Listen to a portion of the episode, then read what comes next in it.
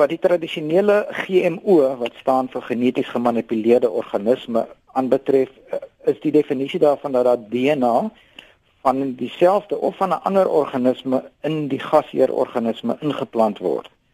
En daai DNA kodeer gewoonlik of is die genetiese kode vir 'n sekere proteïen wat dan in hierdie gasheer of die ontvanger plant in hierdie geval uitgedruk sal word wat dan 'n eienskap van die plant of uh, verander of stil maak. Uh, en dit dit het dan 'n gewenste uitwerking soos wat dit dan beplan is. Met die nuwe tegnologie wat Monsanto nou aangeskaf het, wat maak dit verskillend? Reg, so die nuwe tegnologie is uh, net vir die vir die rekord glad nie so nuut nie. Dis die eerste keer al beskryf in 1987, maar dis eers so 4 jaar terug in 2012 wat twee vrouens dit bekend gemaak het en die potensiaal daarvan regtig raak gesien het. 'n Amerikaanse vrou en 'n Franse vrou, hulle het saamgewerk en hulle het gepubliseer dat hierdie ding gekommersialiseer kan word om nou wat ons noem in Engels gene editing of genoom redigering, as ek die Afrikaanse woord te kan doen. Um weer eens dis gebaseer op 'n natuurlike proses wat hulle net die potensiaal gesien het en uit die aard van die saak uh, gemanipuleer het sodat die wetenskappe kan gebruik. En dit is gebaseer op 'n immuunstelsel wat bakterieë het, net soos ons as soogdiere 'n immuunstelsel het, het bakterieë baie primitiewe immuunstelsel.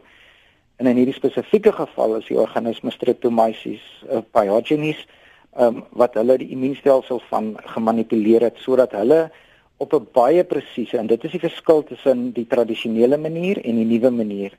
Op hierdie word daar nie noodwendig DNA en of 'n proteïen in 'n nuwe in 'n 'n gasheerorganisme ingesit nie. Hier word die organisme se eie genoom, sy eie genetiese kode op 'n baie presiese manier gemodifiseer of geredigeer. Ehm um, letterlik lettertjie vir lettertjie. Daai daai vier genetiese letters kan op 'n individuele vlak verander word en dit kan bitterlik presies gedoen word en, en dit is hoekom die wetenskap so opgewonde daaroor is. Maar in beginsel beteken dit nog steeds dat dit nie 'n normale plant in aanhalingstekens is nie. Daar is nog steeds manipulasie betrokke.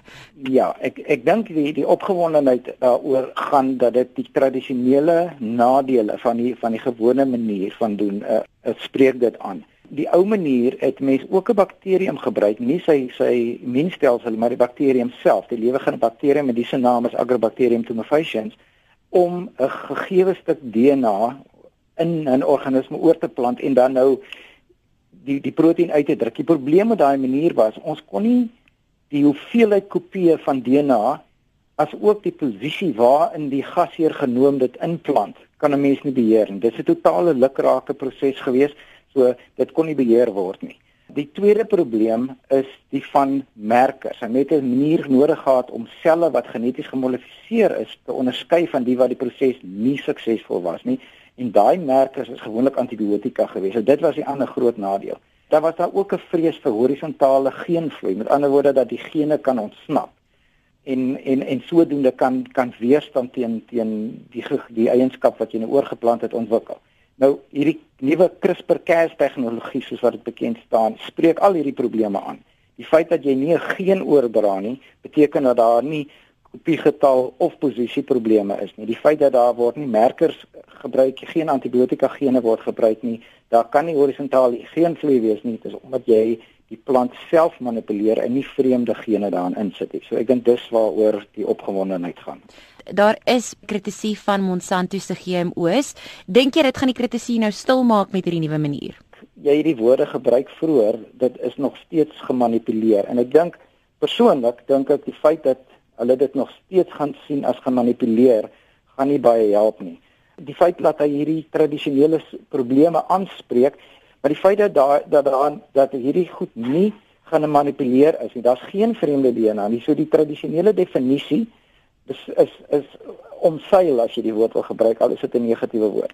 Die die die die resultaat daarvan is dis dat daar nou hierdie sampioene in in die FSA is wat die regulering vrygespring het omdat dit die tradisionele definisie van van 'n GMO uh, omseil.